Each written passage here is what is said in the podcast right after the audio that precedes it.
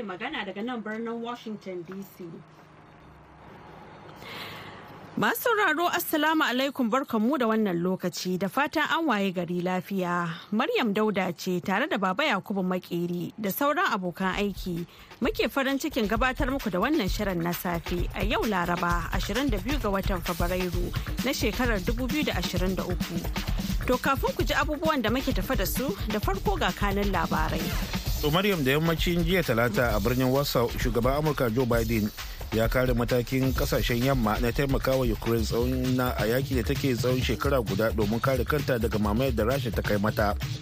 A hali da ake cikin ministan harkokin wajen ƙasar China wadda take marawa ƙasar Rasha baya a siyasance akan mamayar da ta kai wa Ukraine ya faɗa a jiya talata cewa ƙasarsa tana son taka rawa wurin kawo ƙarshen wannan yaki. Yayin da ƙasar turkiyya take ci gaba da alhini na mummunan bala'in da ya sanadin asarar rayuka da dama a ƙasar an fara kiyasta abin da za a kashe wurin sake gina ƙasar To madalla a cikin shirin namu na yanzu za mu leƙa jihar Sokoto a arewa maso yammacin Najeriya don jin takaitaccen tarihin siyasa da tattalin arzikin jihar. A daidai lokacin da ake shirye-shiryen babban zaɓe ranar Asabar. Wasu mazauna jihar sun bayyana babban kalubalen da ke ci masu tuwo a kwarya. sunana janairu sambu janairu alhakikatar amri bisa gaskiya babban abin da ya damu mu na a jihar sokoto harkar tsaro. Bayan samun tsaro abu na biyu a kyarkyaro abubuwan da za su ɗauke ma matasa hankali na dogaro ga kansu.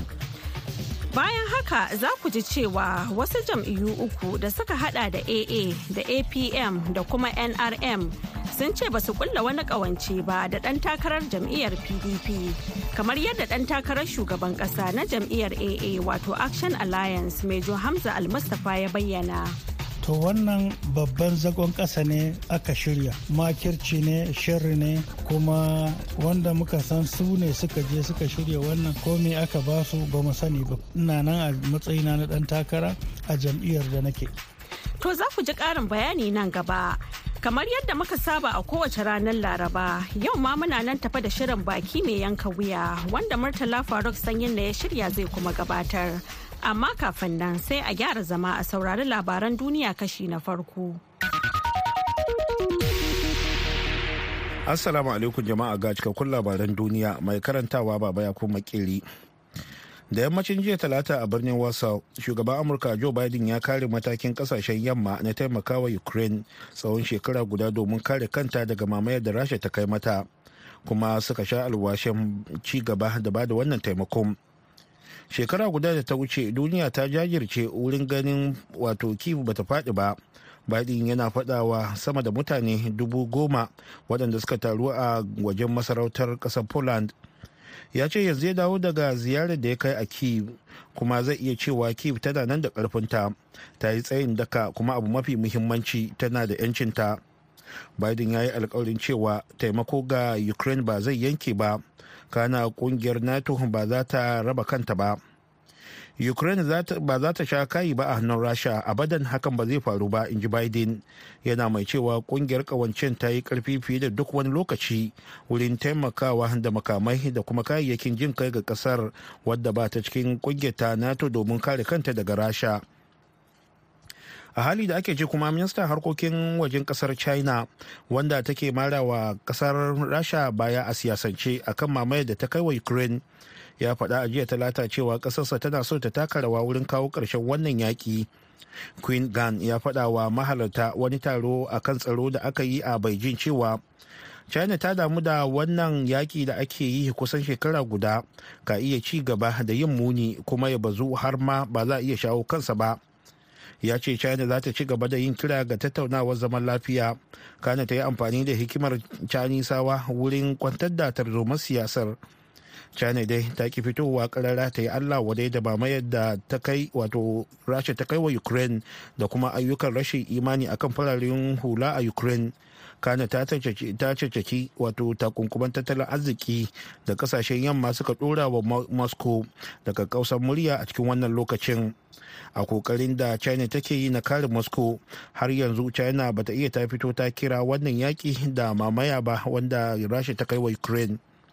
Labaran na zuwa muku ne daga nan sashen hausa na murya amurka a birnin washington dc yayin da ƙasar turkiya ke ci gaba da alhini na mummunan bala'i da ya sanadiyar asarar rayuka da dama daga girgiza guda biyu da suka faru a lokaci ɗaya makonni biyu da suka shuɗe. An fara kiyasta abin da za a kashe wurin sake gina ƙasar da kuma batun asarar haraji na kan iyaka daga tattalin arziki mai tangal-tangal. Wata cibiyar hada-hada mai zaman kanta ta ƙasar turkiya ta kiyasta za a kashe sama da dala biliyan 80 wurin sake gine-gine a cewar rahotannin farko da cibiyar ta fitar kwanaki huɗu a kan girgizar. Bankin saka jari ta na morgan stanley a amurka ya kiyasta za a kashe kimanin dala biliyan 38 a kan gidaje yayin da cibiyar zuba jari a new york jp morgan ta ce za a kashe dala biliyan 25 wurin sake gina gidaje da abubuwan more rayuwa sai dai waɗannan alƙalluman ba su hada da rushewar tattalin arziki wanda bala'in ya haddasa a yankin inda kimanin mutane miliyan ɗaya da dubu ɗari uku da hamsin suke rayuwa kuma suke aiki wani harkokin tattalin arziki da ya kusan kashi goma na baki ɗayan tattalin arzikin ƙasar.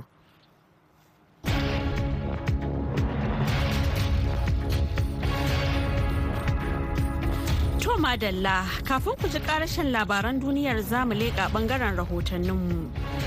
Yayin da muke ci gaba da bibiyar tarihin siyasa da tattalin arzikin jihohin Najeriya, a yau za mu leƙa jihar Sokoto, wadda ita ce shalkwata tsohuwar jihar Arewa maso yamma. Kamar sauran jihohin ƙasar shirin zaɓe ya kankama sosai. Sai dai jama'ar jihar sun ce rashin tsaro shine babban kalubalen da suke fatan gwamnati za ta magance masu.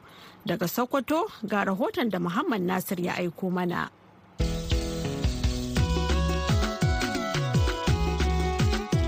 Talaka kamar kuka a kuri'ar kayancinka ka riƙe makamanka ita za ta cece ka. Talaka kamar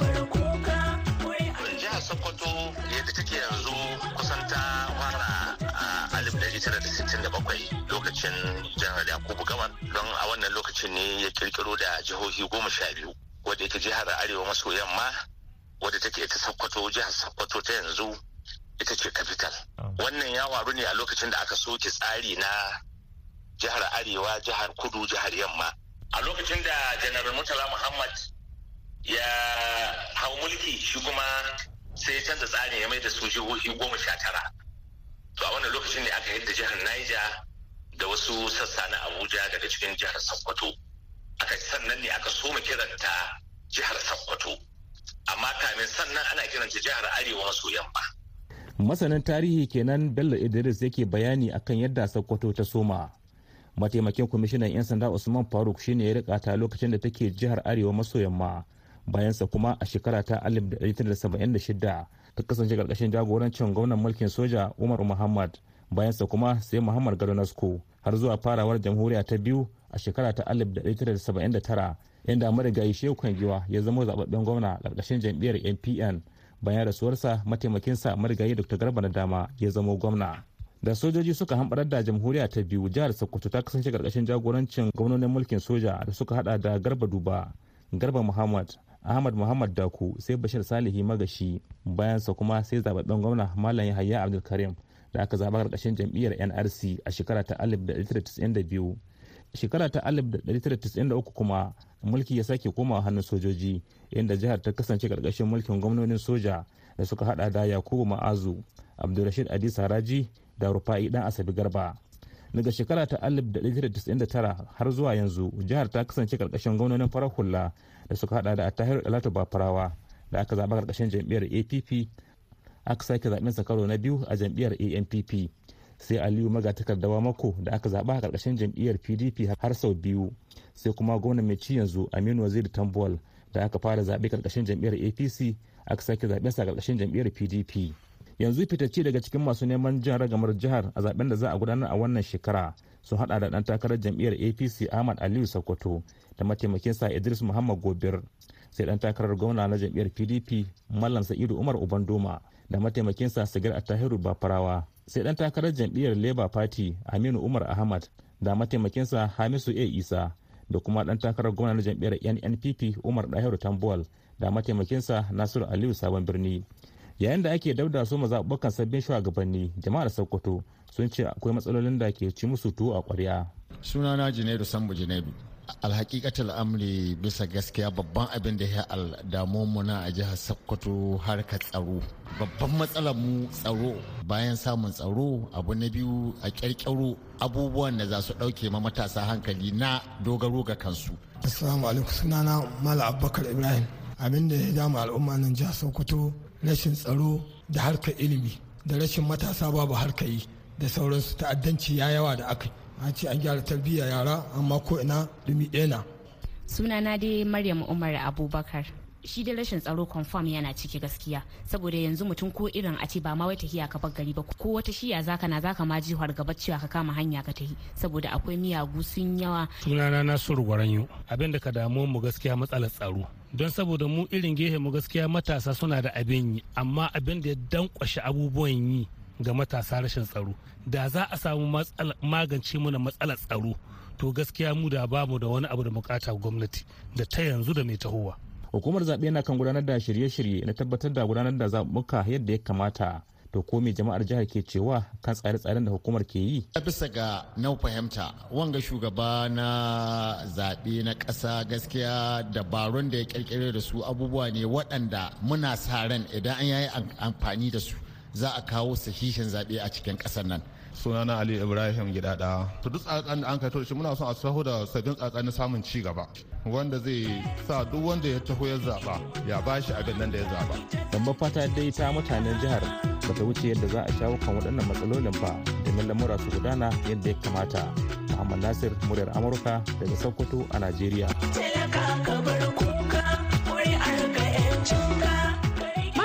Gaida Muhammad Nasir da wannan rahoton shirye-shiryen na zuwa muku ne daga nan sashen Hausa na muryar Amurka a birnin Washington DC. To yanzu kuma ga ƙarshen labaran duniyar.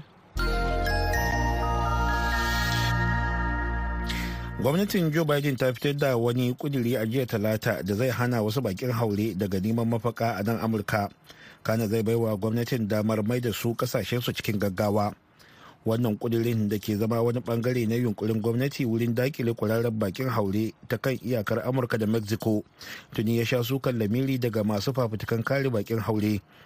A ƙarƙashin wannan kudirin duk wani bakon haure da bai bi tsarin da amurka ta gindaya ko kuma ya gaza neman mafaka na jin kai daga wata ƙasa da ya biyo cikinta zuwa amurka ba to za a ɗauka bai da cancantan samun mafaka a amurka. Sai kila in ya bi wata hanya ya samu wata cancantar. Duk wanda ba su samu cancanta ba ko kuma ba su iya nuna shaida na neman mafaka daga wata ƙasa ba to za a hana musu samun mafaka kuma za a mai da su a ƙasashen da suka fito ba tare da ba su daman gani mai shari'a na bakin haure ba. Rundunar tsaro a somaliya ta kawo ƙarshen mamayar sa'o'i bakwai da mayaƙan alshabab suka kai akan wani ginin farin hula a gabashin birnin mogadishu a cewar gwamnatin somaliya ma'aikatar yada labaran gwamnati ta ce mayaƙan sun kashe mutane goma kana suka raunata wasu bakwai ciki har da jami'an tsaro da suka fafata da 'yan bindigan wurin kawo ƙarshen mamayar. Gwamnatin ta ce waɗanda lamarin ya ritsa da su fararen hula ne da basan hawa ba basan sauka ba wanda suka hada kuma da sojojin da suka fafata da 'yan ta'addan. 'yan bindigan sun kai mamaya a wani gini da ake kula da masu da wasu runduna masu biyayya ga gwamnati da suka samu raunuka a wasu ayyukan soji a tsakiyar ƙasar tun cikin watan agustan bare ne dakarun gwamnatin somaliya tare da taimakon wasu dakaru na mayaka na cikin gida da suke taimaka wa gwamnatin suka fatattaki al-shabab lamarin da ya sa ƙungiyar al-shabab ta koma bayan gari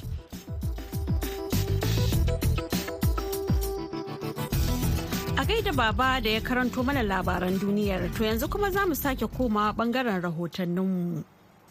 Wata takaddama ta kunno kai tsakanin jam'iyyar adawa ta PDP da wasu jam'iyyu uku wato APM da NRM a ƙarƙashin jagorancin jam'iyyar AA ta Action Alliance. Jam'iyyan sun karyata labarin da ke yawo game da ƙulla ƙawance da ɗan takarar jam'iyyar PDP. To sai dai wani bincike da muryar Amurka ta yi na nuni da cewa wannan mataki ya kawo rarrabuwar kawuna a jam'iyyun. Wakiliyar muryar Amurka Madina Dauda ta aiko mana da wannan rahoton. A wata sanarwa da ya fitar a Abuja, shugaban wani ɓangare na jam'iyyar AA wato Action Alliance, Adekunle Omo Aje, ya ce jam'iyyar AA ba ta da irin wannan tsari kuma ba ta shirin ɗaukan wani mutum a madadin dan takararta na shugaban kasa. Adekunle ya ce ɓangaren korarren shugaban AA Kenneth Udezem tare da wasu jam'iyyu huɗu ne suka ce sun amince da Atiku Abubakar na jam'iyyar PDP. Manjo Hamza Al-Mustapha shine dan takarar jam'iyyar AA ɓangaren Adekunle Omo Aje ya yi tsokaci a kan batun. To wannan babban zagon ƙasa ne aka shirya. Makirci ne, shirri ne, kuma da ƙarfin Allah za ki ji yadda za mu yi a kai cikin doka da tsari. Wanda muka san su ne suka je suka shirya wannan ko aka ba su ba mu sani ba kuɗin da aka ba su. Amma tallata wanda aka yi ni a matsayina da ɗan takara ga mataimakina ga shi shugaban jam'iyya wanda kotu ta yarda da shi shine ciyaman bai sani ba dukkan mu ba mu sani ba. Ina nan a matsayina na ɗan takara a jam'iyyar da nake. Shi ma shugaban jam'iyyar APM wato Allied People's Movement Alhaji Muhammad Musa Musa Bagana ya ce ɓangaren jam'iyyar APM bata shiga wata yarjejeniya da wata jam'iyya ba. Lokacin mu ne yanzu da kotu ta ba mu so mun riga mun an zaɓe mu mu kuma ne sabon shugaban jam'iyya. Bayan wannan muna so mu gama duniya kowa ya san cewa ba mu tsaya ma kowa ba tukun ba mu ce ga dan takarar mu ba tukun amma nan da ba da dadewa ba za mu faɗa kuma kowa zai je saboda haka bun da dattale je yayola ba da yawon ba ba mu yarda ba. A nashi jawabin a game da batun kawancan mai magana da yawon jam'iyyar NRM wato National Rescue Movement ta ƙasa Ilyasu Ismail Adamu ya tabbatar wa muryar Amurka cewa dama jam'iyyar ta rabe gida biyu. Saboda haka ɗaya ɓangaren ce ta shiga yarjejeniya da PDP. Abin ya girgiza mu ƙwarai da gaske domin abin mamaki ne kana shugaban jam'iyya kuma mai magana da yawunta gaba ɗaya a ce yau ga jam'iyyar ka can ta yi yarjejeniya ta mara ma wani ɗan takarar shugaban ƙasa kwana shida ko biyar da kafin a yi zaɓe. Lallai wannan wani abu ne da ya ba mu mamaki ƙwarai da gaske. A nasa sharhin kan kamfen ɗin PDP mataimakin shugaban jam'iyyar na shiyar arewa umar iliya damagum ya ce dan takararsa atiku abubakar ya yi wa sauran zarra. Dan da aka rantsar da shi ran nan zai fara yin mulkin najeriya ba sai ya fara tunanin wa zai kawo ko mai zai ba. Ya riga ya sani. Su kuwa wayannan 'yan takarkaru da kake gani a wanda ake tsammani kai za ka ba kanka ansa. Ko za su iya ko ba za su iya ba. Ba mamaki a kwanakin ƙarshe na makon zaɓe akan samu wasu jam'iyyu na mara baya ga 'yan takarar da suke ganin sun fita gomashin lashe zaɓen. Madina Dauda, muryar Amurka daga Abuja, Najeriya. To za ku ji ƙarin bayani a shirin baki mai yanka wuya. A gaida Madina Dauda, shirye-shiryen na zuwa muku ne daga nan sashen Hausa na muryar Amurka a birnin Washington DC a kan mitoci goma sha shida ashirin da kuma talatin da ɗaya. Yanzu kuma ga shirinmu na gaba. Baki mai yanka wuya.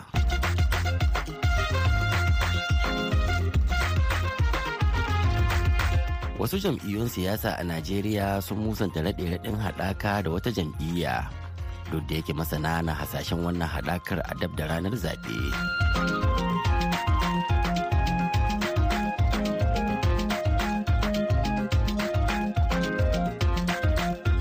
jama'a assalamu alaikum yanzu haka 'yan najeriya sun kakkaɓe kura tare da matso da katunan zaɓensu domin tunkarar rumfunan zaɓe a ranar asabar inda za a zaɓi sabon shugaban ƙasa da zai gaji muhammadu buhari alkaluman hukumar zaɓen ƙasar sun bayyana cewa jam'iyyu goma sha takwas ne suka tsayar da 'yan takarar kujerar ta shugaban kasa a wannan zaɓen.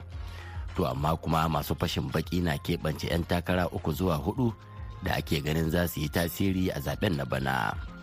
Sun kuwa hada da bola ahmed tinubu na jam'iyyar apc mai mulki da atiku abubakar na babbar jam'iyyar adawa ta pdp da peter obi na jam'iyyar labour party da kuma rabi'u musa kwankwaso na jam'iyyar nnpp wannan ya sa manazarta bayyana ra'ayin cewa akwai yiwuwar haɗakar wasu jam'iyyu ta hanyar marawa wani ɗan takara musamman idan aka rumfari lokacin gudanar da zaɓen kamar yadda aka al'adanta.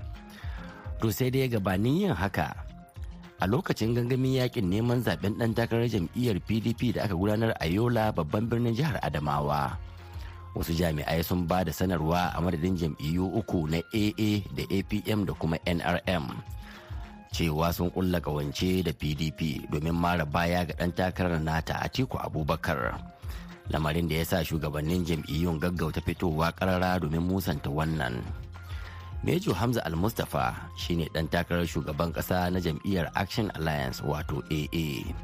To wannan babban zagon ƙasa ne aka shirya.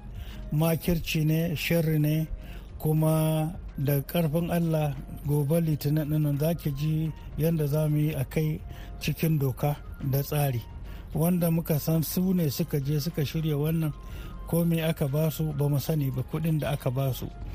amma tallata wanda aka yi ni a matsayina da ɗan takara ga mataimakina ga shi shugaban jam'iyya wanda kotu ta yarda da shi shine ciyaman bai sani ba dukkanmu ba mu sani ba sai da muka ji kwatsam an faɗa a talabishin da rediyo cewa wai mun koma wata jam'iyya ta pdp daban ban san wannan ba ban taɓa tunanin haka ba kuma ba na haka ina nan a matsayina na ɗan takara a jam'iyyar da nake saboda haka matakai ne da wasu shugabannin jam'iyyar ka suka ɗauka kenan kake nufi?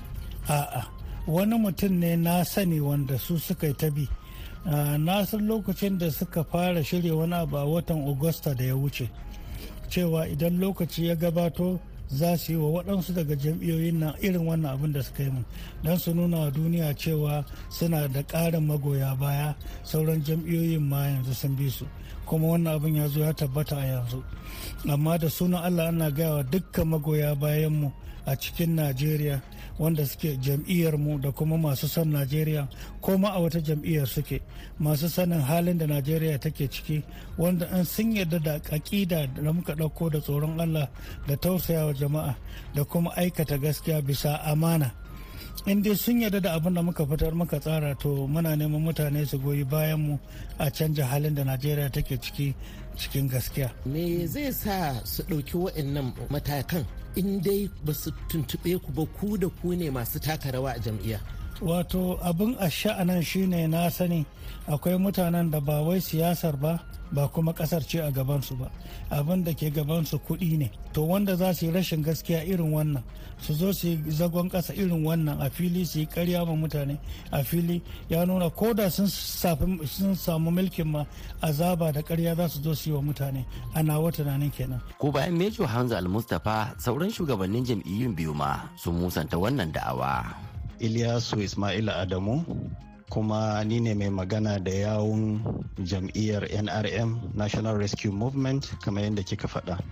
To, uh, maganan jam'iyyar NRM jam'iyyar mu cewa wai ta mara ma ɗan takarar PDP Alhaji Atiku Abubakar to mu ma wani abu ne da muna zaune a cikin gidajenmu muka gani a kafafen yada labarai.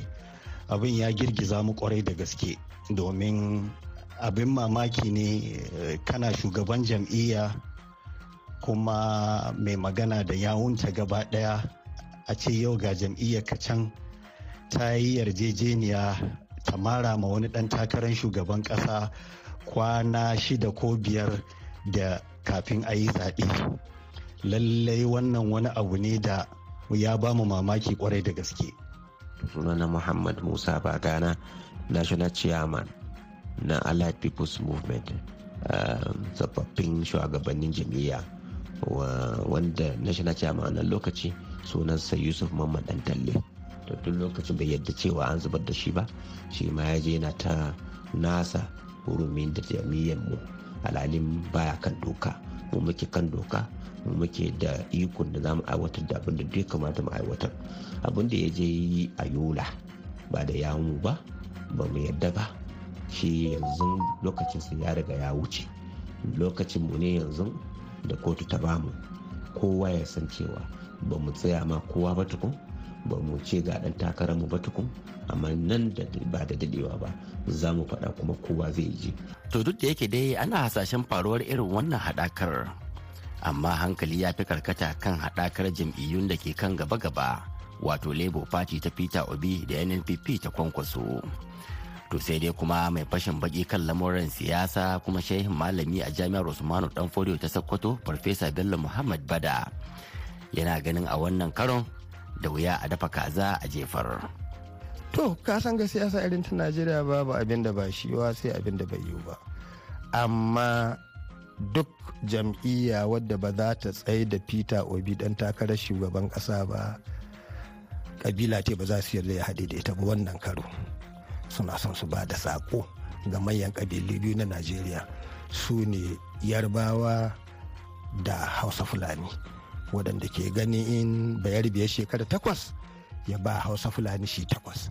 In ya gama ya ba bayarbe watan su ɗaya ƙabilu biyu majalisa suna son su aika sako bana. To shi yasa suna yarda amma sai in su yan taka da shugaban ƙasa. To babu yadda za a yi kwankwaso shi ma shi mataimakin obi. A riga an gama ba shi yawa gare shi. To kaga a nan a ruhe. To ba shi yawa a ce maka obi shi komo jam'iyya ta pdp domin daga nan ya hita ai da ita ne yake da saɓani.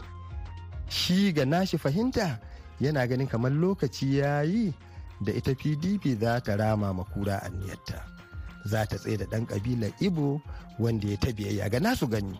Siyasa ko ce iri ta. To tun da haka na ashe ita an mai babban laihi to bai dawowa nan. Ita jami'ar apc da ma in ya bai taɓa ɗaukar ta tashi ba. Ita ma bata ɗauki cewa shi ma nata ba ne. To kaga akwai magana nan. Maganar kwankwaso shi taso shi taho apc shiga mai da ita bai taso ba. Amma kuma yana iya mata aiki ta ƙarƙashin ƙasa. Kuma allah ya sa ba a tuhuma ta akan haka nan. Ya shi ne akallan ko bai yi komi ba shi rage ma jam'iyyar da apc ke tsoro kuri'u a kano. Domin kano wuri ne babba. To in ya rage mata kuri'u a kano to yawa apc aiki amma maganar haɗe abu ne mawuyaci. In dai ka duba abubuwan da kenan domin kowane yana da manufashi da dalilin shi na irin abubuwa watan abu ne kamar akwai wata asazza in ji mallam bahaushe.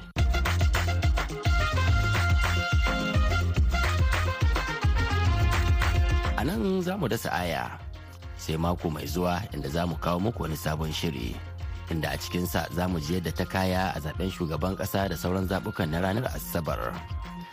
Godiya ga wakiliyar sashen hausa madina dauda sai jumbi hamza da ya daidaita mana sautin shirin. Murtala faruk sanyin na ke muku sallama daga washington dc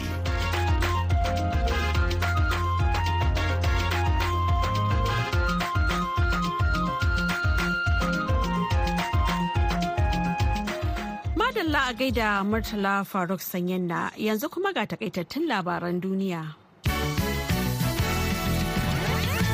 To a taƙaice da yammacin jiya talata a birnin Warsaw, shugaban Amurka Joe Biden ya kare matakin ƙasashen yamma na taimakawa Ukraine tsawon shekara guda domin kare kanta daga mamayar da Rasha ta kai mata. Kana suka sha alwashin ba za su daina ba da wannan taimakon ba. Shekara guda da ta wuce duniya ta jajirce don ganin cewa Kiev bata faɗi ba. Biden yana faɗa wa mutane sama da dubu goma da suka taru a wajen masarautar ƙasar Poland. A hali da ake ji kuma ministan harkokin wajen ƙasar china wanda take mara wa rasha baya a siyasance akan mamayar da ta kai wa ukraine ya faɗa a jiya talata cewa ƙasarsa tana so ta taka rawa wurin kawo ƙarshen wannan yaƙi. Queen gan ya faɗa wa mahalartan wani taro akan tsaro da aka gudanar a beijing cewa china ta damu da wannan yaƙi na kusan shekara guda ka iya ci gaba da yin muni kuma zai bazu har ma ba za iya magance shi ba. Yayin da ƙasar turkiyya take ci gaba da alhini na mummunan bala'in da ya sanadin asarar rayuka da dama daga girgizan kasa guda biyu a lokaci guda makonni biyu da suka shuɗe an fara kiyasta abin da za a kashe wurin sake gina ƙasar da kuma batun samar da haraji akan iyaka wanda yake fama a cikin wani tattalin arziki mai tangal-tangal. To masu sauraro da haka muka kawo ƙarshen shirinmu na wannan lokaci amma idan Allah ya kai mu an jima da hantsi za ku ji mu ɗauke da wani sabon shirin. A madadin Baba Yakubu Makeri da ya taya na gabatar da shirin da Jumbe Hamza wanda ya haɗa shirin da kuma ba da umarni da ma injiniyan Makar ni Maryam Dauda ke cewa ku huta lafiya.